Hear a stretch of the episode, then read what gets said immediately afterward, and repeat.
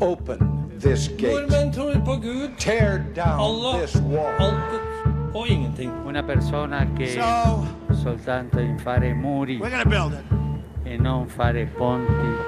Neste stasjon er Drammen. Hei, og velkommen til Ypsilon-samtaler, en podkast fra Kirkelig dialogsenter. Mitt navn er Ivar Flaten, og i denne episoden snakker jeg med Unni Helland. Unni kom til Drammen som adoptivbarn, og som returnerbar. Hun fikk gode foreldre og fikk en god barndom og oppvekst.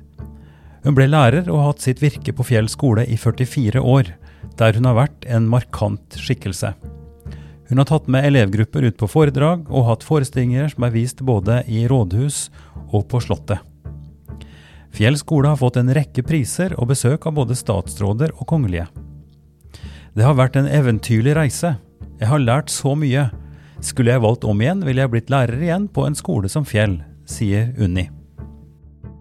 Kjære Unni Helian, velkommen til mitt vesle podkaststudio. Jeg har gleda meg til å snakke med deg. Tusen takk. Jeg har gleda meg til å snakke med deg òg.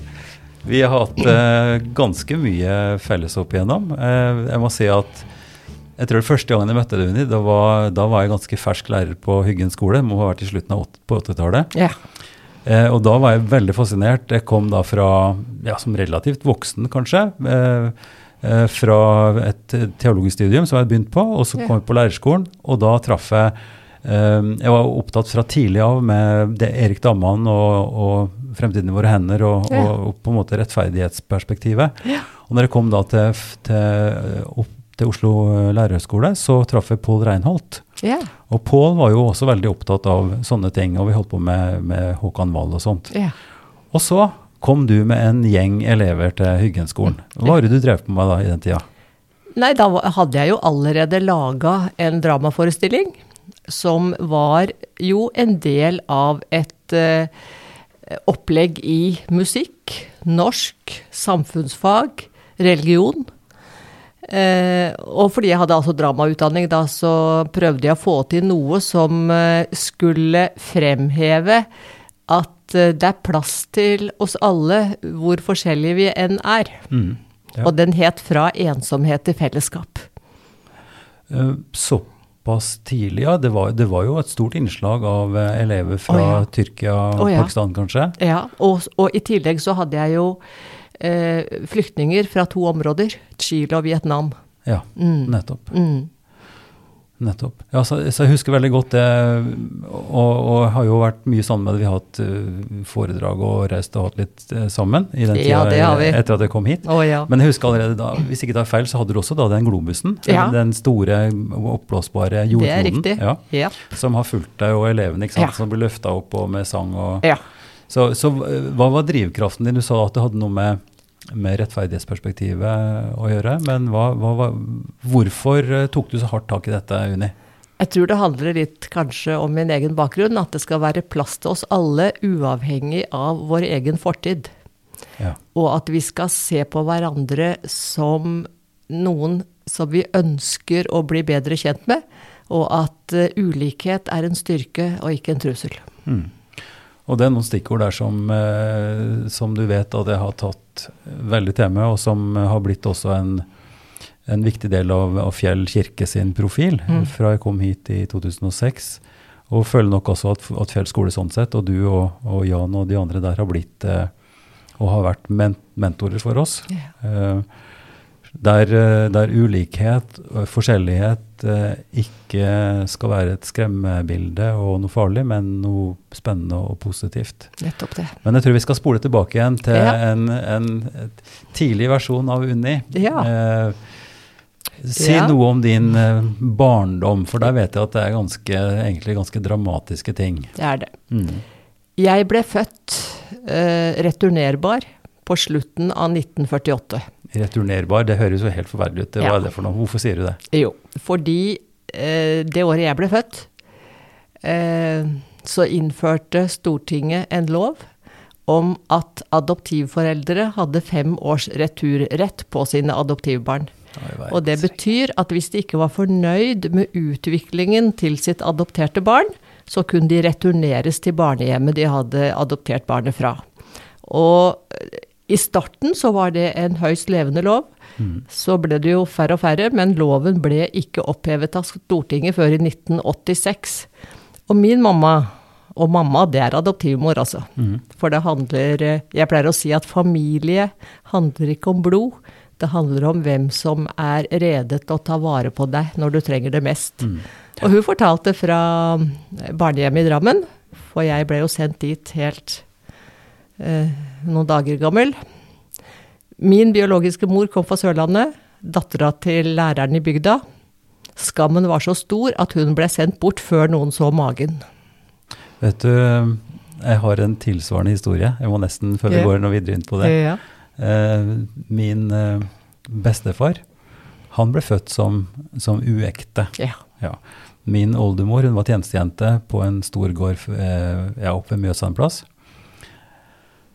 Og hun eh, var da fra en veldig fattigslig eh, familie i, i ja, eneste jente i et litt eldre par som fikk henne på en liten plass, liten husmannsplass. Og hun ble sendt dit for å tjene og ble forelska i, i gutten på gården og ble gravid og ble sendt hjem igjen med stor brudulje og i.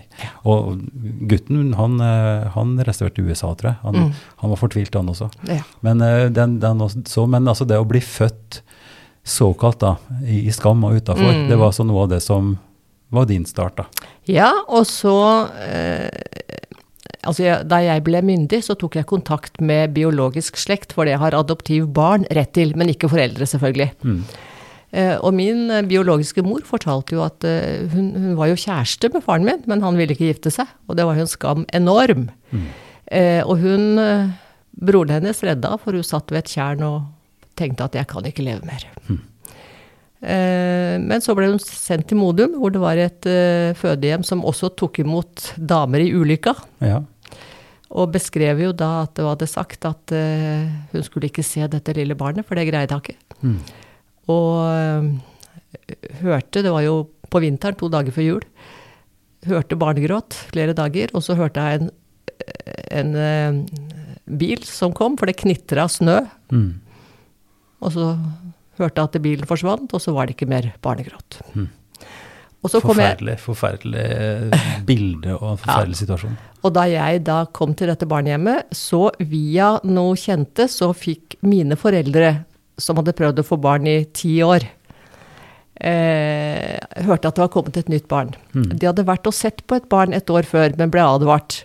Jaha. Det var dårlig blod. Ja, ja. Ja, fordi at faren satt i fengsel og mora dro på gata. Ja, og så fikk de følgende beskjed da de så dette lille nyfødte barnet, da. Dette er ikke den største risikoen, Nei. for her er det godt blod. Det er blanding av bondeblod og læreblod. ja. Altså, hva var de greiene der, Unni? Vi, eh, vi som har lest litt om hva er det for noe? eugenetikk, ja. Eh, og altså det, som, det forferdelige som skjedde rundt eh, i, i mellomkrigstida, og Ja. rundt raseteorier og, Ja. og måling av hjerneskaller og Ikke sant? Ja. Eh, at en hadde en slags idé om, om, om arv av egenskaper, og ut ifra både rase og. Mm. og fysiogonomi, altså måten folk så ut på. Var det noe av det samme? Jeg tror det. Det må ha spredd seg godt, det. Og jeg, jeg har en par sånn ganske sterke opplevelser. Den ene, det var at eh, da jeg holdt tale i en borgerlig konfirmasjon i Drammen teater, Mm. eh, så hadde jeg slektninger av min biologiske mors mann, som jo ikke er min far. Hun giftet seg på nytt og fikk barn. Ja. Eh, og de visste at, om meg, men så var det en av gjestene som ikke gjorde det. Og så mm, sier han til kona, du, se på hun derre dama som holder tale. Hun var da grusomt lik tante Signe. Svarer kona, ja hysj da dattera, vi får snakke om det etterpå. og så var jeg, og så var jeg i begravelsen hennes, Mm. for mine halvsøsken da på morssida sa at du skal være med hvis du ønsker, og det ville jeg. Og det er ikke så lenge siden. Nei, det er eh, Hun døde i 2014. Ja. Jeg men minnes du har fortalt om det før. Og da kom det folk bort til meg og sa vi vet ikke hvem du er, men vi ser det. Ja. ja nei, det, og jeg husker også faktisk min bestefar, som var en av bygdas eh, skal vi si, høvdinger, på en måte, i Oppdal. Ja. En av fire lærere da, fra ja, fra 20-tallet omtrent, som, som prega bygda i, Mm. Ja. i mange mange år. Han var jo også klokker og kirkesanger, som det het. eh, Ingebrigt eh, Flaten. Men han sa jo Han var skolestyrer da, Ja. på, på Torve faste skole. Eh, han var først ungdomsskolelærer, og, så, Mhm. og så kom han dit til faste skolen. Og han sa, husker det altså flere ganger, at han sa de folka der, det er liksom de, de har ikke så mye sjanser. Mm. Altså fordi at de er Ja, skal vi si, dårlige folk, da. ikke sant? Eh, jeg tror det var det som var måten det ble sagt på, men, men det ligger jo en og I nyere tenkning og sånn, så ligger det vel også noe i at, at barn blir mer eller mindre stimulert. Ja. At det er forskjell Ja. på den måten, men Ja. at det ikke sitter i blodet, men det Nettopp. sitter i, i, i grunnlaget som en vokser opp i. Nettopp det. Ja. Ja. Mm. Så, og jeg syns jo det er litt artig, for jeg har jo gitt ut eh, to bøker, og Mm. så har jeg skrevet en artikkel i en tredje bok. Men uten at vi visste om det, så min yngste bror på morssiden da, ga også ut bok samme måneden som jeg gjorde, men vi visste ikke om hverandre. Nei. Og, ifølge, og jeg tenker jeg har av håp, fordi altså jeg har vært i hans bryllup, og han gifta seg med sin kjæreste, som heter Marius. Mm. Og jeg var så spent, er det kirkelig eller uh, borgerlig? Mm. Og ikke bare var det kirkelig, men det var i Det kongelige slottskapell. Ja. Fordi han jobber på Slottet som kommunikasjonsrådgiveren til Håkon Magnus, og kongen sa ja til ugjelse der. ja. Så, så Det var stas. Ja, det var stas. Ja. Eh, Men Unni, eh, i denne Ypsilon-podkasten min så er jo opptatt av hvordan folk blir prega eh, i tidlig alder, og hvordan eh, forholdet til også til, til eksistensielle spørsmål, til, til fester, til religion, måten en, ja. en, en blir forma på. Mm. Um, og jeg skjønner jo, um, i det du har sagt, og det jeg har hørt før, at, at din respekt for, for bedre folks vurdering av hva som er skam og ikke skam, altså det med, med lærere og kanskje et klokkere og, og såkalt eh, godt plasserte og folk med status og sånn, måten de behandla deg og din mor på. Mm. Hva, hvordan har det prega deg, tror du? Nei, altså, jeg var, er jo døpt. Jeg er jo konfirmert. Det er i Strømskose kirke. Mm. Eh, Og derfra så har jeg jo gravlagt mine to foreldre. Ja. Mm. Foreldre, det er de adoptivforeldrene. Skjønner. Ja. Ja, ja. Eh, Men jeg hadde en grunn til at jeg meldte meg ut av kirken, var jo en heftig opplevelse på Bragnes torg, hvor jeg sto da Da var jeg i 30-åra. Så sto jeg da og delte ut noen brosjyrer som stilte spørsmålstegn ved kristen formålsparagraf i barnehagene. Og da kom det en lærer jeg husker fra en Drammen-skole, der hvor jeg gikk. Og han skreik så voldsomt, og han fordømte meg til evig pinsler i helvete, og folk kom løpende. Og jeg ble så rysta at da jeg kom hjem, så tok jeg kontakt med en venninne, og så sa jeg dette var så grusomt at nå melder jeg meg ut. Dette her orker jeg ikke. Så hadde jeg, da hadde jeg jo to små barn. Og han eh, yngste var fem år, meget talefør. Og så sier han 'mamma, har du meldt deg ut av kirken?' Og så svarer jeg Han skulle ikke høre det, men så sier jeg ja. ja. 'Er jeg medlem i den klubben?' Ja. Ja, men Ja, men da melder jeg meg ut. Nei, det får du ikke lov til. Og så sier han, mamma, når en storebror Thomas meldte seg inn i Dravn, så sa du at han må møte opp når han er med i en klubb. Jeg har ikke møtt opp i den klubben, hvorfor skal jeg være med da? Så svarte jeg, du skal begynne på skolen, så skal du lære om dette her. Og så skal du finne ut når du blir konfirmert, eller skal konfirmeres, om du da vil gjøre det i kirken eller ikke. Så sånn ble det. Ja. Så det betyr at eh, i, hos dine foreldre, altså i, som adoptert, så, Ja. så hadde du en vanlig, et vanlig skal vi si, folkekirkelig forhold til Ja, ja, ja. Det var ikke noe sånn eh, bedehus og, og Nei, misjonsforeninger og sånt? sånt? det var statskirken, og det var konfirmasjon, og det var Og jeg husker også at vi gikk på, på søndagsskolen i eh, Strømskose kirke. Ja. Mm. Ja. Og min eh, adoptivmor er jo da fra eh, Lærdal i Sogn. Mm. Så jeg har jo et ekteskap bak meg òg. Mm. og den, den, første gangen jeg gifta meg, Mm. så var det ikke småtteri, for det var i den store, flotte kirken ved siden av Borgund stavkirke. Ja. For det var på mors trakter. ja. Mm. Nei, så den bakgrunnen du har eh, fra kristendomsundervisning i skolen og hjemmefra med eh, kirkegang til jul kanskje, og, og når det var seremonier ellers, Mm. eh, gjorde at du hadde et, et, et vanlig forhold til, til kristendom og til Ja, og ikke bare det, men eh, jeg har jo opplevd som lærer, da, når vi kom dit, at eh, et av de faga som scora høyest i de ulike klassene mine, det var kristendom. Fordi vi hadde så, syns jeg, utrolig fine samtaler. Ikke minst når det ble et innslag av eh, andre religioner. For da hadde vi så spennende Sånn mener den religionen, og sånn mener den. Ja. Pluss pluss at da vi eh, kom hit, og du, han, Jo Inge Bolstad først, og så du etterpå, åpna dørene for mangfoldet, så ble det så fantastisk kunnskapsrikt å få lov til å ta med seg det også. Og det er klart, altså, de måtte jo velge, foreldrene skulle jo velge, men jeg var sånn at jeg hadde alltid en samtale med dem før de fylte ja. ut skjema. Du lytter nå til Ypsilon-samtaler, en podkast fra Kirkelig dialogsenter i Drammen. I denne episoden snakker jeg med Unni Helland.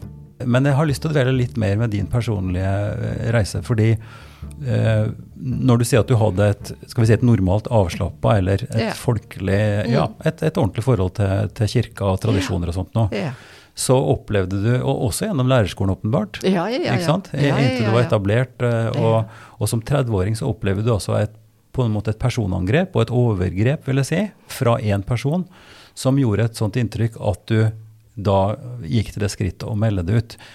Og, og det er jo interessant både på et personlig nivå, men òg ut ifra liksom hva folk reagerer på, Mm. og hva som driver folk til det ene og det andre. For en skulle jo tro altså med jeg har ofte snakka om, og nå kom han opp igjen faktisk i, i Morgenbladet i siste nummeret, han Daniel Kahneman. Eh, psykolog og økonom som fikk Nobelprisen fordi han, han om, og han ble veldig kjent for en bok for noen år tilbake som heter 'Tenke fort og langsomt'. Oh, ja. Eh, som handler om disse to måtene å tenke på. ikke sant? Magereaksjon, eh, som er nærmest sånn hardkoda genetisk. ikke sant? Flukt. Eh, ikke sant? Er det noe farlig, så flykter du. Eh, Det vil si du ser en, et bilde i avisa, så reagerer du umiddelbart. Oh, ja. Og den langsomme tanken, du sier at kan dette stemme da? Ja, ja. Er, er dette rimelig? Er det, Ja. Mm. er det rimelig å tro at det kan være sånn? Tenke etter, ikke sant? Hele tiden tid å tenke etter, reflektere. Mm.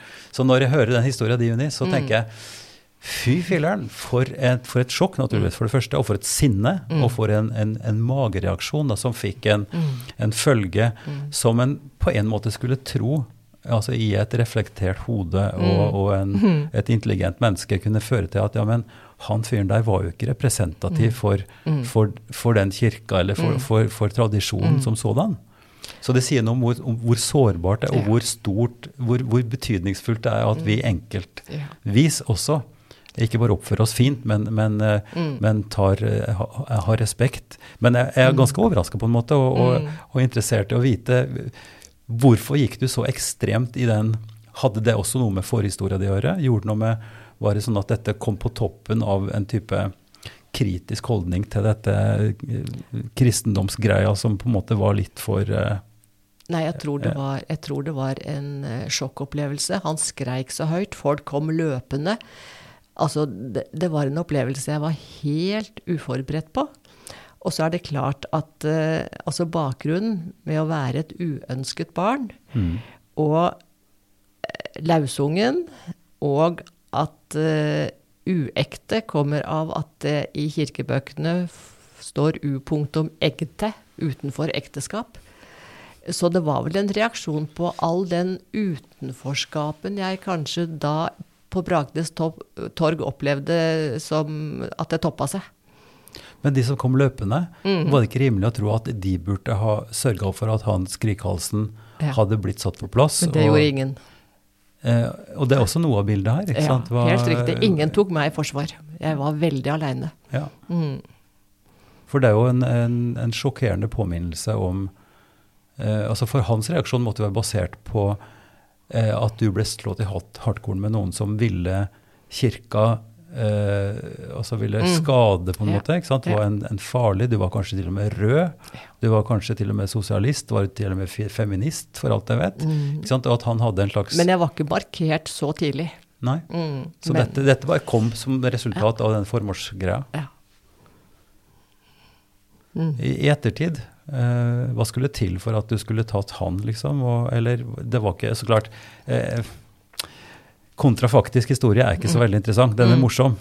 Men uh, hva ville skjedd hvis de andre hadde gått i strupen på han og sagt at nå får du holde kjeften din, din tulling? Da hadde jeg nok eh, reagert annerledes. Men det var ingen som forsvarte meg. De bare sto og så på den.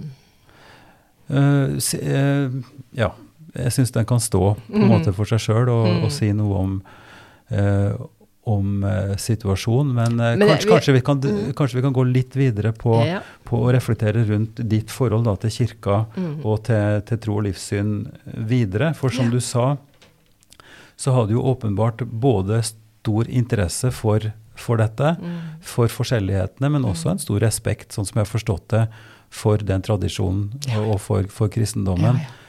Eh, som tradisjon og som, som filosofi, som måte å tenke på, en måte å, å, å, å forstå seg sjøl og verden på. Men det er jo noe litt annet enn institusjonen og embetet og maktstrukturene og rammene som alle større religioner naturligvis vil få. Ja.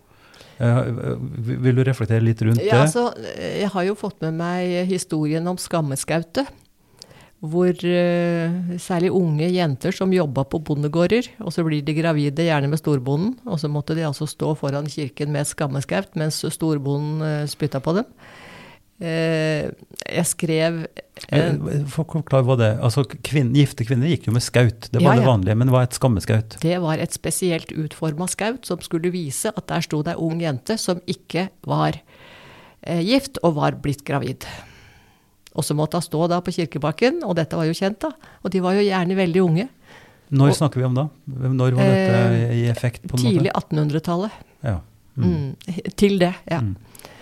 Uh, og det, og eh, storbonden, som ofte var uh, han som hadde gravert, holdt jeg på å si, gjort gravid, han kjøpte seg gjerne fri. Mm. Eh, gjerne en gårdsgutt eller en soldat fikk halv soldatlønn, eh, årslønn, for å påta seg dette. Ja. Så eh, jeg skrev en tale, en 8. mars-tale for ikke så lenge siden, som jeg kalte fra eh, eh, Fra skammeskaut. Eh, og så hadde jeg da eh, en historisk analyse opp på dette her Mm. til stemmekraft. Og stemmekraften var da de muslimske jentene som nå står opp og sier at den æreskodeksen vi har levd i, den vil ikke vi være med på mer. Mm. Og så prøvde jeg å se paralleller. ja. Mm. Nei, for du har jo gitt uttrykk for dine synspunkter og, og din oppfatning av hva dette er for noe, og hvordan det kan også bekjempes eller Ja. møtes. Ja.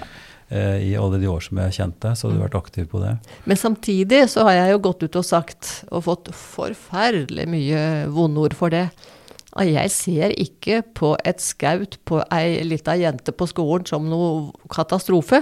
Fordi altså, med et lite skaut på huet, så kan du øh, gjøre alt. Du kan løpe, du kan Ja. spille fotball, du kan gjøre alt mulig.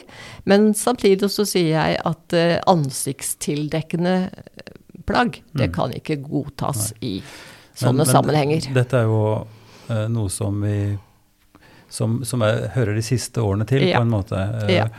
Så jeg er fremdeles litt nysgjerrig på å grave i, i Unnis eh, holdning til de store spørsmåla, da. Eh, fordi at én ting er at du er pedagog Mm. og er opptatt av forskjeller og skulle kunne reflektere sammen med barna på det spennende i Mm. historiene og, og sånn. Mm. Men din egen, din egen fornemmelse, din egen magefølelse, ditt eget liv da, i forhold til de spørsmålene, uten at vi blir veldig personlige her. Eh, hva er forskjellen mellom å ta eh, avstand fra Den norske kirke og maktstrukturen eh, og overgrep som både historisk og praktisk for din del har vært veldig personlig erfart, Ja. og de store spørsmål? Mm. Ikke sant? Peter, Mm. eh, Jesusskikkelsen. Mm. Eh, vår lange tradisjon med, med kirka som omsorgssted, ikke diakonien diakonien, alt dette. Hva slags, eh, hvor er du i forhold til dette nå, Unni? Jeg syns at jeg står med ett bein i det som jeg har opplevd som vondt. Mm. Men det beinet er eh, mindre og tynnere enn det beinet som er forankra i eh, gode verdier som Kirken viser. Og jeg syns jo at eh, i særdeleshet det jeg har opplevd gjennom arbeidet på Fjell og med det samarbeidet vi har hatt med Fjell kirke. Så det, det er det som er bakgrunnen for at du kan si ganske frimodig og med et lite smil at, eh, at Fjell kirke er din kirke, og Ja. at det er din prest. Ja. Eh, Og en, en erklært og tydelig humanetiker som sier at dette er min prest, er jo et lite paradoks, kanskje. Ja, ja, det er det. Og, og du vet det at jeg har jo nylig, nylig øh, holdt en tale i, øh, på biblioteket i Drammen hvor jeg har fortalt hvorfor jeg som humanetiker har hatt et så nært og sterkt forhold til deg og Fjell kirke. Og da kom jo mange, men jeg måtte jo ha politibeskyttelse. Ja, av en eller annen grunn så fikk jeg ikke vært der. Nei. Men jeg vet jo at, eh, at miljøet rundt Sian Ja. eh, var til stede. ja. Det var to personer, Uten, at det, uten at det førte til noe, spesielt? Ikke der og da. spesielt. Men det var jo fullt av politi, øh, uniformert i begge etasjer, og det sto politibil utafor òg. Ja, Men jeg det, fikk, ja, dette, fikk er jo dette er jo et, også et paradoks og en sånn uh, rar ting. Ikke Mm. sant, at uh, Dess mer oppmerksomhet, dess større blir det. Altså Hvor stort er problemet egentlig? Det er veldig få, men de er veldig høylytte. da. Så Nesten litt sånn som han fyren som skrek til det på torget. Ja. At det er noen Ja, som bruker så høy stemme at, en, at de får større virkninger enn enn det kanskje er verdt. da. Men, men, ja, men si, litt, si litt mer om det. ikke sant? Hva, hva- hva er på en måte drivkraften i det at du kan stå og også svare opp i forhold til Human-Etisk Forbund. Det er Mm. også sånn som Den norske kirke eller alle større samfunn, så er det jo så klart stor spredning. Altså Folk har veldig forskjellige Mm. eh, meninger, og, og, og hvordan en eh, tenker er veldig variert innenfor sammenhengen. Ja. Og du er jo, eh, så vidt jeg vet, ikke ennå verken utmeldt eller innmeldt annet sted enn i, i Human-Etisk Forbund. Så du er, du er, din forankring er der. Ja, men jeg har jo vært i tenkeboksen, for jeg har jo blitt eh, hardt angrepet av ledende personer i Human-Etisk Forbund, nettopp for min forbindelse med Fjell kirke. Og jeg har jo syntes at noen av dem er eh, sekteriske. Ennå står jeg der, men jeg har, er i tenkeboksen, for jeg syns at de ligner på en liten lukket klikk, noen av dem. Mm. Og det er jo en, et spørsmål som jeg syns er, det er interessant å reflektere over. Jeg har, eh, jeg har jo en, jeg vil si en lærer og en, eh, en fantastisk person som heter Peter Halldorf. Eh, svensk eh, pastor. Eh, født inn i pinsebevegelsen, men har skrevet gjennom hele livet mye teologi og vært veldig fascinert av den ortodokse kirke. Ja. Eh, med alle de ritualene og at det Det er den gamle, udelte kirken, ikke sant? Eh, med, med både liturgisk utstyr og måte å, å ha gudstjenester på og sånt noe. Eh, så han på en måte, Men han er fremdeles pinsepastor, det er mitt poeng. Og, og han har hatt masse motstand og har det i, i, fra pinsebevegelsen, naturligvis. Eh, men han utvikler og står fortsatt på på den veldige åpenheten Ja. for å skulle finne eh, den veien som han da mener er riktig. Og han er svært kritisk til at folk skal konvertere, f.eks. Ja. ja. han, han vil si at ja, nei, eh, bli nå der du er, og, og gjør det du kan. for at, Men så klart, hvis, hvis spenninga blir så stor, og det blir umulig, så er jo det en måte. Eh, og sånn sett tenker jeg kanskje også at det er, det er god grunn til å, eh, å, å bli i en så sterk og stor og viktig bevegelse som humanetisk eh, bevegelsen er også. Og at vi og og jeg syns det er jo interessant, jeg må nesten fullføre eh, det resonnementet, for det, det er også interessant i forhold til konvertering mellom kristendom og islam. Mm. Yeah. Eh, fordi det er jo et spørsmål som vi ofte får, som yeah. driver med dialog. Yeah. Det, det er bortkasta arbeid fordi at du skal misjonere og sørge for at, at de andre, såkalt, da, blir kristne ikke sant? og blir frelst osv. Eh, sånn at, eh, så, så både frelsesbegrepet og konverteringsbegrepet det har kommet på riktig sted. Ja. ikke sant? Hvor en står støtt og er sikker på at vi har det, Ja. i forhold til de andre som ikke har det. Nettopp. Ikke sant? Så det er også en fare som en kanskje skal Så det er spennende å høre hva du tenker om. Men også må jeg også nevne for deg at eh, jeg var på en podkast rett før jul i regi av Utdanningsforbundet som handla om skolegudstjenester i skoletida. Og da møtte jeg eh, Trond Bakkevik, Ja. mm. tidligere prost i Oslo. ja. Og det som var så morsomt, vi hadde det altså så flott, men han har jo gått ut og ment at skolegudstjenester skulle legges utenom skoletida. Og humanetikeren protesterte og sa nei, det må være i skoletida, for det er snakk om kunnskapsoppbygging. Det syns jeg var morsomt, og vi hadde så fin samtale etterpå også. Du lytter nå til Ypsilon-samtaler, en podkast fra Kirkelig dialogsenter i Drammen. I denne episoden snakker jeg med Unni Helland. Kanskje vi skal eh, switche litt spor eh, og si noe om eh, den politiske profilen din. Altså Ja. den, den sterke ikke, ikke partipolitiske, kanskje, men, men kvinnebevegelsen og rettferdighetsspørsmål og Mm. 8. mars-arbeid og sånne ting. Ja, jeg var tidlig med. Eh, si litt om hvorfor og hvordan det var. Jeg mener at Stemmer det at vi hadde kvinneår i 1975?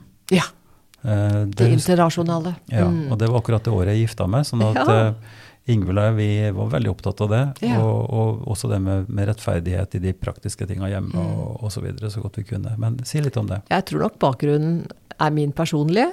Eh, opplevelsen av eh, min biologiske mor og hennes lidelser. Eh, og så eh, var det en veldig aktiv eh, jentegruppe i Drammen.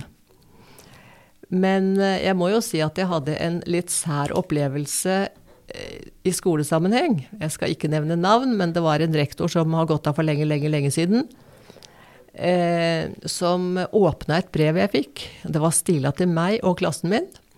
Fordi at eh, jeg ønsket å dramatisere 'Jentene gjør opprør'. Det er ei barnebok skrevet av mammaen til Åsne Seierstad.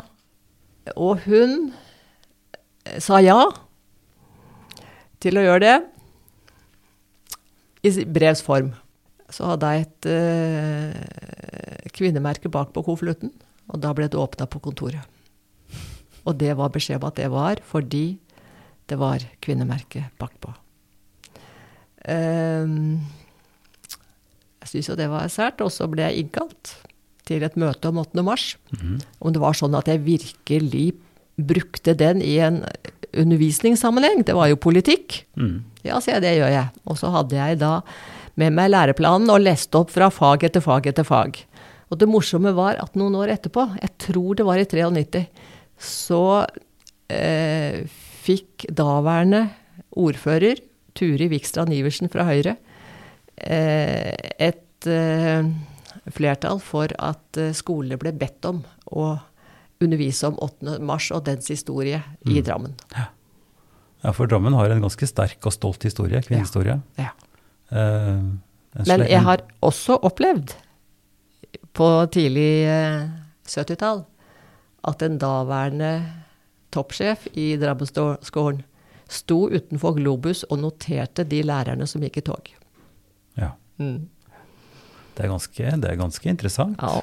Ganske interessant. Hva, eh, og da, hva, er, hva er det for noe inni? Hva, hva er det som gjør, eh, som skaper den reaksjonen? Er det, er det redsel? Er det frykt for eh, infiltrasjon? For, Makt. er vi tilbake igjen på Altså for vi, McCartismen og, Ja, ikke og sant? mellom- ikke sant? Det må jo være noe- og sånn. Det, det, er jo, Ja. det er jo en trussel for noen utenfra som skal komme for å, å manipulere eller ødelegge noe. Nei, så fordi, vi, Ja. vi kjenner jo igjen uh, noe av den samme fryktresponsen uh, nå i, i våre dager, ikke sant? Og, da, eh, og også kanskje i, i mellomkrigstida, mot, mot, mot krigen. Ja. Så det som vi nå har markert med 8. mai, eh, med, med jødene som ble kvinner og barn, Ja. ble skipa ut. Altså en, en merkelig Jeg må jo si det er en ganske Ja. merkelig følelse av at det er noen som bevisst går inn her nå og skal ødelegge. Dvs. Si at du da som kvinneaktivist, Mm. eh, de, dine kvinnelige og andre eh, Mm. kollegaer som støtta 8. mars, de var mot Er det det som man i dag, og Trump vil si, eh, familieverdier? Mm. Altså at kvinnen skal være hjemme. Ja. Eh, Mm. er det faktisk så enkelt eller så ille? For noen, men det er nok store nyanser her, vil jeg tro. Mm. Mm. Jeg opplevde jo også i et av toga, da hadde jeg en sånn ropert, vet du. Ja. For vi skulle jo rope slagord. Mm. Og da sto det noen eh, ja, spesielle mannfolk, unge karer, Mm. eh, og skreik til oss 'Kvinners plass er i senga'. Og da gikk jeg bort, og så hadde jeg ropert mot dem. Og det var jo så sterkt at de skvatt tilbake!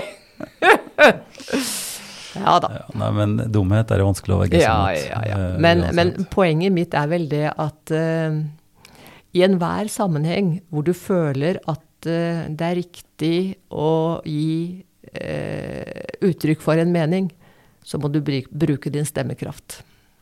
Ja, så det er vel det som er demokratiet og, Ja. og, og, og vår grunnleggende verdi, Ja. altså menneskerettigheter Mm. og, og demokrati og, og, og frihet til tale og tro. Ja. Eh, og det vet jeg jo at du har stått for og står for også på en radikal vis i forhold til, ja, til, forhold til tro og livssyn. Mm. I forhold til folks eh, uh, ulike tradisjoner og, og muligheten for å kunne være seg sjøl Ja. også i, i yrket. ja. Og, i, og for barn også som, Mm. eh, som har en identitet, at det skal være greit. Ja. At ikke det skal nivelleres. Eller, Mm. eh, og det, jeg vet ikke om det tar litt for kjappe skritt, men det er også noe som en kunne eh, diskutere altså i, i planlegging i kommunen og sånt også. Hvordan en, en, en tenker skoler. Om skolen skal være et eh, altså vi er, Du er svært opptatt av enhetsskolen. Mm. ikke sant? At Jo. det skal være like muligheter, og Ja. at det skal være for alle. Ja. Um, men enhetsskolen betyr vel ikke likhetsskolen? Tvert imot. Ikke sant? Det, det Mm. betyr ikke at, at en elev er en elev er en elev. Det betyr ikke at et sted er et sted er et sted. Nei. Altså at en Drammensskole skal være eh, på en måte blåkopiert Mm. i, i alle de delene av Drammen som vi nå har, da, som har blitt større. Så vi snakka om dette sist, tror jeg. Ja. Men, men jeg, jeg skal ikke åpne en sånn, eh, en sånn ubehagelig pakke her, men, men, men jeg, jeg tenker jo at, at vi i Fjell kirke også har tatt på en måte den kampen. Vi har sagt at Fjell kirke det er et, en kirke som er i en bydel, på et Mm. sted som, som er et virkelig sted. Nettopp. Som har sine karakteristikker, Ja. som, som, har sitt, som har sitt særpreg. Eh, er det sånn for skolen også? Ja, og ikke bare det, men du må gå enda dypere inn, tenker jeg, for jeg har jo vært øvingslærer lenge. Hva Og- er øvingslærer for de som ikke vet det? Ja, øvingslærer betyr at jeg tar imot lærerskolestudenter som øver seg i noen uker under min veiledning og overtar undervisningen. Mm. Og så kom det en ny gruppe, da. Jeg har jo hatt, vært i mange år. Og så, Jeg føler nok at det, noe av det aller viktigste jeg har fått til i klassene mine, det er at i norsk, som jo er et hovedfag, Mm. der har jeg hatt eh, veldig forskjellige lekser hver dag. Mm. De har jobba i eh, bøker som inneholdt det samme, altså du skal skrive fortellinger og du skal øve på rettskrivning og også sånn. Mm. Poenget er at bøkene var av ulik, på, på ulikt nivå. Mm. Og da var det en ung student som kom, og så har det vært noen dager, og så sier hun plutselig til en elev Ja, men dere har jo forskjellige bøker! Mm. Så svarer tiåringen med store øyne Ja, er vi ikke forskjellige folk, da? Det er et poeng. Ja. Ja. Mm. På et individnivå så er folk forskjellige og trenger forskjellig oppfølging. Ja, ja. Og da jeg, brukte jeg jo én dag hver uke på noe jeg kalte oppsummering, for da kom hvert, hver, hver elev til meg, og så Mm. retta vi sammen det som var gjort den uka, og så fikk foreldrene en tilbakemelding. Ja. Nei, øh, så det, det er jo på et individnivå. Og, Ja. og det er jo, altså spesialundervisning er jo også et svært felt som en kunne snakke veldig Mm. mye om. Ja. Hva det betyr, altså Mm. tilpassa opplæring, og, Mm. og det at hver enkelt skal se som den en er, og få den hjelpa han skal ha. Ja. eh, og ikke bli, heller ikke bli singla ut og, Mm. og, og isolert og Ikke på en måte bli rar osv. Ja. Men nå var mitt perspektiv det å løfte dette opp, det å Mm. si noe om en skole. Ja. Eh, at en skole også kan ha en egen kultur. En, Ja. en skole kan også ha et eget preg, Ja. et eget særpreg i en egen kontekst. Ja. Eh, og eh, nå har jo En av de første jeg snakka med i denne serien, var jo, var jo Egil Flatmark. Som sier jo i innledninga der at han måtte finne opp skolen på ny. Ja. i, I det som skjedde med den store integreringa, eller innvandringa. Men vil du også, Unni, si noe om hvordan skolen på Fjell Ja. eh, ble spesiell, eller er spesiell, Ja. i forhold til kanskje noen andre? Ja. Sjøl om Drammen også så klart er felles preg av alt dette. Ja. Men skal- hva er Fjell skole for noe Jeg skal bare avslutte med at da dere holdt den nydelige avslutningsmarkeringa for meg, mm. så hadde dere jo henta en elev som spilte fløyte. Ja. Eh, hun var jo lynskarp i alt. Mm. Og da hun kom i siste klasse på barneskolen, så hadde jeg brukt opp alle norskbøker for ungdomsskolen. Og jeg tenkte hva gjør jeg nå, hva skal jeg gi henne? Så lette jeg da, og så ga jeg en bok, og det var topp. Den syns jeg var den beste hun hadde fått. Den het noe sånt som eh, Diktanalyse for lærerskolen. ja. Så det viser hvor forskjellige vi er. ja, ja, ja. Ja. Eh, men gjenta spørsmålet ditt nå. Du sa Nei, altså, eh, du, du har snakka mye nå om sånn som Hesselberg Løken, som du nevnte nå sist, Ja. ja. eh, hun leste lærerskolestoff på en måte Mm. Ja. eh, i barneskolen. Ja.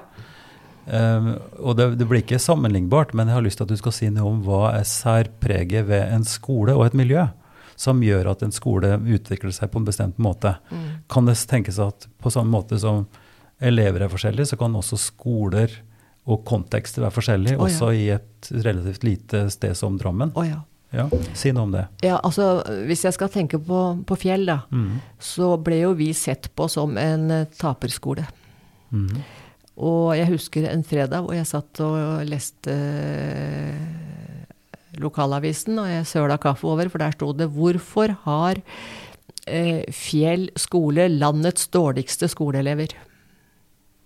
Når omtrent eh, snakker vi da? Eh, da snakker vi om eh, ja 80-tallet, tenker jeg. Mm.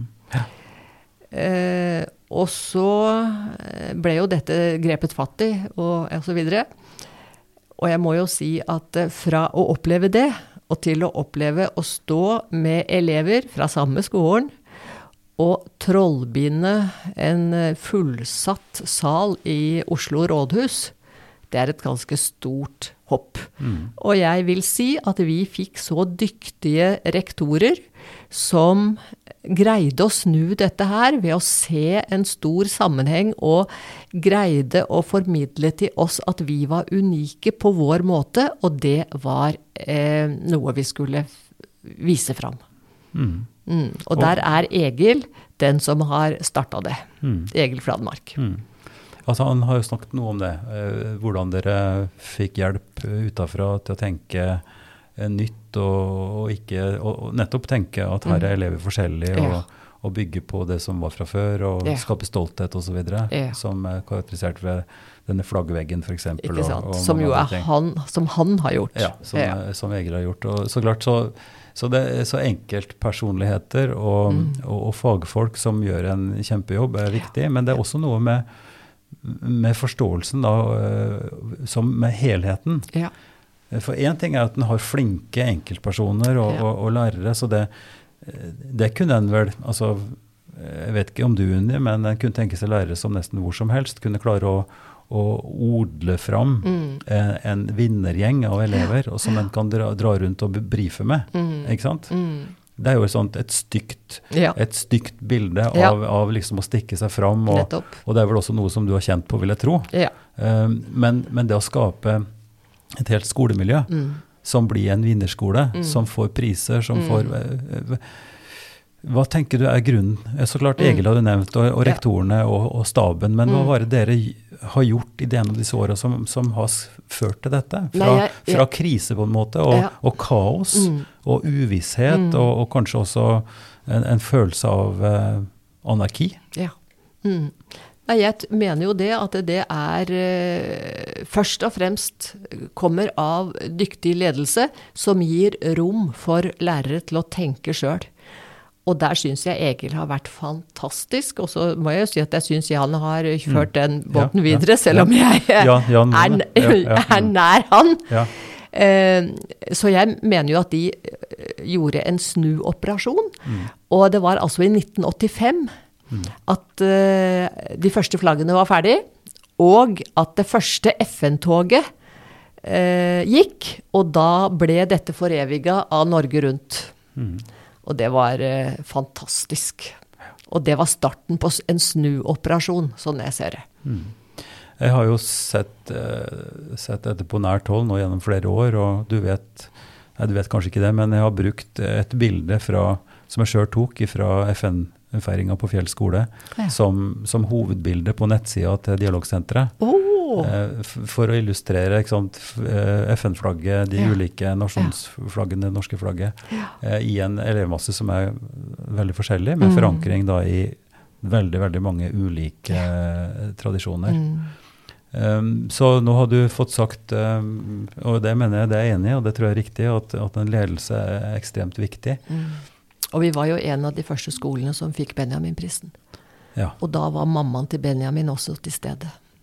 Ja og det er jo en lang, en, en lang rekke av priser som en kunne snakke om. Altså Ja. Benjamin Harmansens pris, og dere har fått uh, UNESCO-pris. UNESCO har vært inne, og dere har hatt mye statsrådbesøk og sånt. Og vi har av alle ting fått humanistprisen av HEF. Ja, ja, ja. Og vi har fått mye forskjellig. Ja. Eh, og, og det er jo en egen dynamikk i det, og, og det er veldig hyggelig og sånt. Eh, så klart, å bli anerkjent og bli sett. Men det er også noe med at det vil være folk som har behov for å bli sett på et sted hvor det skjer gode ting. Ja. Uh? At statsrådet kommer på besøk, mm. at fjellskole blir valgt ut når en skal si noe om integreringsskolen. Eller, altså Det har vi opplevd flere ganger, og det er kjempefint. Du lytter nå til Ypsilon-samtaler, en podkast fra Kirkelig dialogsenter i Drammen. I denne episoden snakker jeg med Unni Helland. Men kanskje vi skal gå eh, litt videre på si noe spesifikt om det. eh, hva dette handler om. Eh, hvordan det er å ta imot elever som kommer fra f.eks. fra Syria, traumatiserte, uten, uten norsk språk, bare arabisk. Eh, unger som kommer fra Tyrkia direkte fra landsbygda, Ja. eh, Konya-området, Antolia, eh, med foreldre som har fått fotfeste og fått jobb her. Eh, hva, du har jo skrevet bok om det, så du vet mye om det, men hvis du skal ta det veldig enkelt og greit, hva, hvordan, hvordan er det mulig å, å få gjort noe hvordan jobber en da med en så differensiert eh, gruppe som lærer? Mm. Altså det jeg skulle ønske var, som har vært, men som er borte, det er jo en eh, tospråklig undervisning. Fordi at det er jo ganske håpløst å kommunisere når vi ikke har de samme orda. Så vi hadde nok en fordel der i starten. Eh, Fordi at det da var da var det tospråklige var det, lærere til ja, stede. mors, såkalt mor, mors. Morsmålslærere, ja. Og- Det, det er jo kontroversielt. Det er flere av de jeg har Mm. med som, eh, som har forskjellige meninger om det. Ja da, jeg vet det. Mm. Eh, Men jeg opplevde at det var nøkkelen til å få den første kontakten. Ja. Så vi fikk noen som rett og slett tolka. Jeg vet jo at dere har lagt stor vekt på i forbindelse med FN-dagen og sånn, Mm. å feire sammen med flagg og, og løfte fram tradisjonen, festdrakter Mm. Ja. og, og sånt. noe. Men rent læringsmessig, Mm. altså for å få ei- klasse til å kunne fungere på et bra nivå, Mm. Hva, hva er trikset? Hva er det du har gjort som eh, Og, og du måtte også ha følt tilbakeslag. Det er jo ikke, er jo ikke ja, ja. enkelt på noen Nei, måte. nei. Det er vel det at jeg greide å bygge opp en vi-følelse. At vi er et vi, selv om vi kommer fra hele verden. Mm. Og så greide jeg, tror jeg, håper jeg, å å få dem til å føle at det at vi er en liten verden, det er så fabelaktig flott. Eh, og så tok vi jo opp veldig mye i samfunnsfag, historie og religionstimer av det som skjedde der og da i verden. Og ikke minst foran jul og påske så hadde vi jo da sammenlignende eh, religionsundervisning. Hva mener jøder, hva mener eh, muslimer, hva mener de kristne? Og det fikk jeg jo til og med lov til å framføre i Fjell kirke.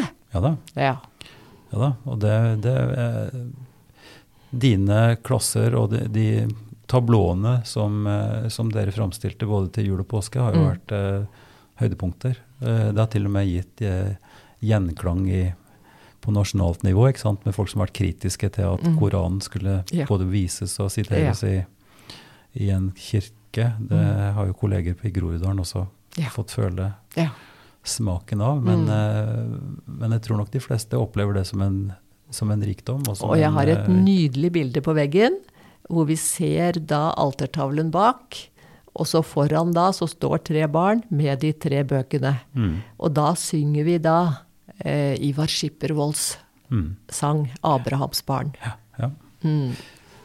Og det er Abrahams barn og eh, Abrahamsfortellingen og sånn, det er jo ting som vi har jobba mye med. Det er jo kjernefortellinger Ja. i, i kirka, naturligvis. Mm, mm. Men det er også kjernefortellinger i, i dialogen. Mm. Så der har vi jo eh, i For en god del år tilbake så utvikla vi en fortellerforestilling, husker du det? Ikke Ja. sant? Om Abrahamsfortellingen, hvor Ja. en muslimsk og Ja. kristen forteller Ja. fortalte historien om Abraham og Isak. ja. Eh, Ismael. Mm. eh, for, å, for å illustrere både likheten, men også forskjellene. Mm.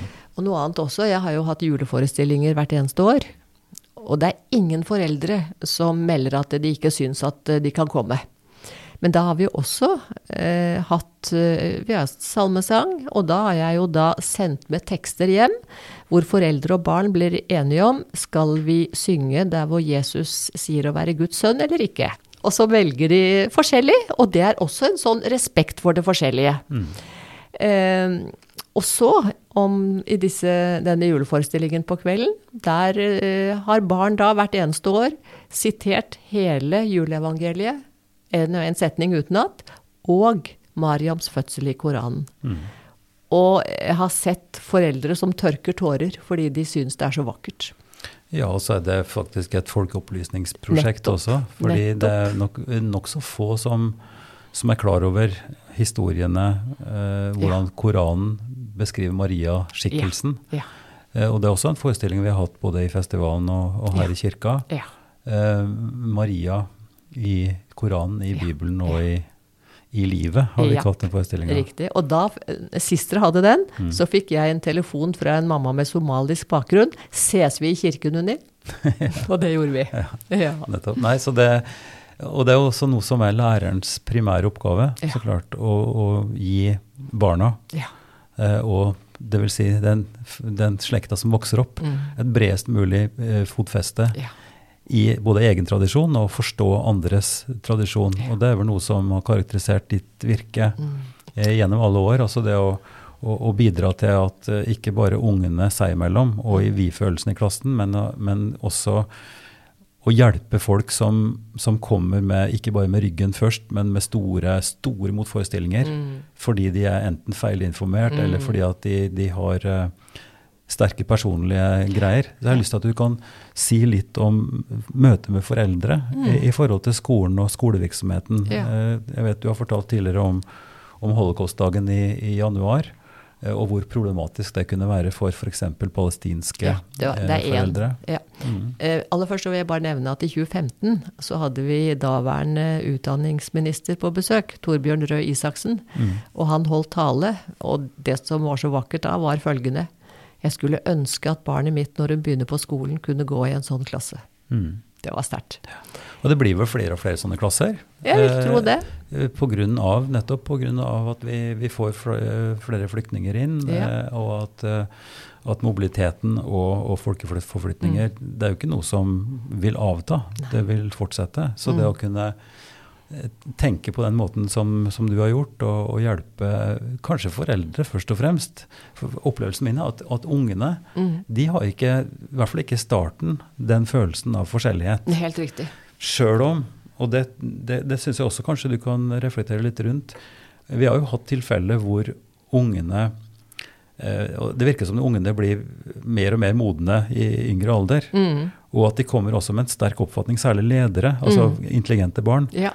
Kommer med en sterk oppfatning av sin, sitt fortrinn fremfor andre. Ja. Og at de kanskje har fått høre hjemme at eh, nei, dette er en shia, så vi, vi sunnier skal ikke Eller dette er kristne, og de spiser flesk. Og, og, Altså at dette også blir et slags middel, på en måte, eller noe som skjer i barnegruppa. Ja. Eh, også kanskje språklig sett. Hvor mye har du sett av det, og hva tenker du kan, eh, hva har du gjort for å møte sånt, sånne problemer? Altså, når, jeg, når jeg nå tenker på helheten bakover, så vil jeg jo si at det, det som har vært drivkraften min, er at lojaliteten skal ligge hos barna. Mm. Og så hadde jeg et møte med en tidligere elev, 15 år etterpå eller sånn, vi satt og minne, mimra. Ja. Så sier jeg til henne, hun har en uh, høyere stilling i Drammen kommune.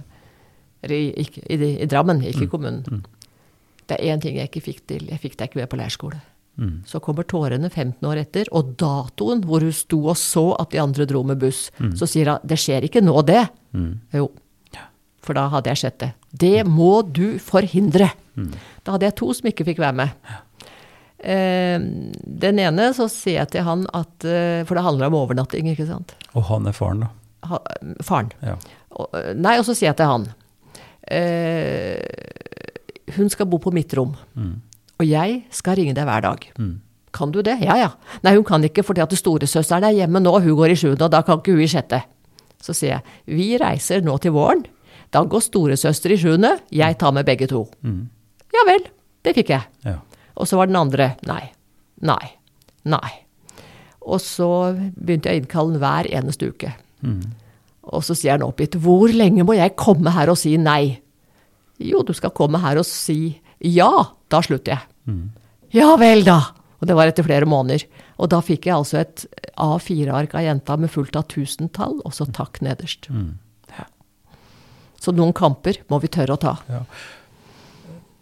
Det er helt åpenbart at du har tatt eh, kamper både eh, på den ene og den andre måten. Eh, og at du sånn sett er slags, du er et slags kampmenneske. Altså, du, blir, du, du, du er sterk på det som du mener er riktig, og du gjennomfører det. Du tar det det koster, på en måte. Det er ikke veldig mange lærere som vil ha innkalt foreldre sånn ukentlig til, til en påminnelse om at eh, her må du skjerpe deg. Eh, ikke sant? Det Nei. har man bare ikke tid eller ork eller krefter til. Mm. Så det er det ene, men, men, eh, men jeg, lurer også på om, om det er en forandring som skjer når, når, når miljøene, de, de, de, de definerte miljøene, om det nå er et, et uh, miljø som er somalisk eller tyrkisk eller pakistansk eller whatever, altså en eller annen variant av dette, yeah. hvor, hvor en har hvor en får på en måte en sterkere backing og får også kanskje større påtrykk fra sin gruppe om hva som er riktig. Ja. Og dette er et påtrengende problem, syns jeg, for min Ja, del. Ja. sant? For å kunne forstå hvor, hvor For det er jo legitimt åpenbart at man har en sterk identitet både språklig, kulturelt osv., som man kan få lov til å feire. Jf. 17. mai i utlandet for nordmenn, mm. sånn sjømannskirke osv. En har behov for å ha et fellesskap språklig osv. Men hvor, hvor langt og hvor sterkt kan det bli før det blir skadelig, i forhold til at, den, at det rakner på en måte det større fellesskapet? Sant? Fordi vi, vi tenker på brobygging og fellesskap Ja, ja. på tvers av disse. Dette er et tema som vi tar opp nesten i hver samtale. Men for skolen også, med, med, med selvbevisste, sterke eh, ja, foreldregrupper som sier at nei, mitt barn skal ikke være med på det, for det er ikke bra. Så hva slags beredskap kan en ha? Hvordan kan man jobbe med det, tenker jeg. Tror du må jobbe med det i hvert enkelt tilfelle. Eh, Holocaust har jo vi markert veldig. Ja. Og jeg hadde jo en opplevelse med et barn som ikke fikk være med. Mm. Og den bakgrunnen var jo veldig spesiell. For pappaen var jo da kvoteflyktning fra Palestina. Torturert i fengsel. Mm. Så eh, hadde plutselig opplevd det at hun sa at jeg får ikke være med på holocaust. Så måtte jeg innkalle ham, da, og si at du velger ikke dette. Det er norsk skole. Hun skal være med. Hun skal være sammen med meg, og du må sende henne. Mm. Ja, hun, ble, hun kom. Mm. Året etter kom hun ikke. Og jeg ringer. Hva er dette? Jeg liker ikke dagen. Jeg vet det, men vi snakker ikke om å like dagen. Mm. Så ler han, og så sier han nei, hun har 39 i feber og halsbetennelse. Greit, sier jeg, men neste år har hun ikke det. Og så ringer jeg henne i forkant, og så sier jeg nå må du sende henne, for hun skal på radioen. Hæ? Hun skal på radioen og fortelle hvorfor hun tenner lys. Mm. Hun tenner ikke lys for jøder. Dette har vi snakka om før. Hun tenner også lys for landet sitt, Palestina. Og det skal hun si på radioen. Ja vel. Og så kommer P2, og det er ikke øvd inn, og så sier de du, nå har du tent lys ute, hva har du tent lys på? Det gikk direkte ut. Jeg, sier lille jenta, jeg har tent lys for landet mitt Palestina, pause, og for Anne Frank. Ja. Unni, det har vært en fornøyelse. Eh, vi kunne ha snakka en time til, men Det tror jeg, har vi, det har vi ikke tid eh, til. Mm. Så tusen takk for eh, samtalen. Og så vil jeg, fordi jeg har anledning nå, eh, Ivar, takke deg for hva du har gjort. Ikke bare i kirkesammenheng, men sånn jeg ser det, i kirkeskolesammenheng. Det har vært en utrolig flott reise. Tusen takk. Takk for at du hører på Ypsilon-samtaler. Mer informasjon om oss og hva vi holder på med, det finner du på www.ypsilonsamtaler.no. Der finner du òg en kort presentasjon av alle samtalepartnere og lenke til episodene. Du kan òg søke på Ypsilon-samtaler på din podkast-app og abonnere.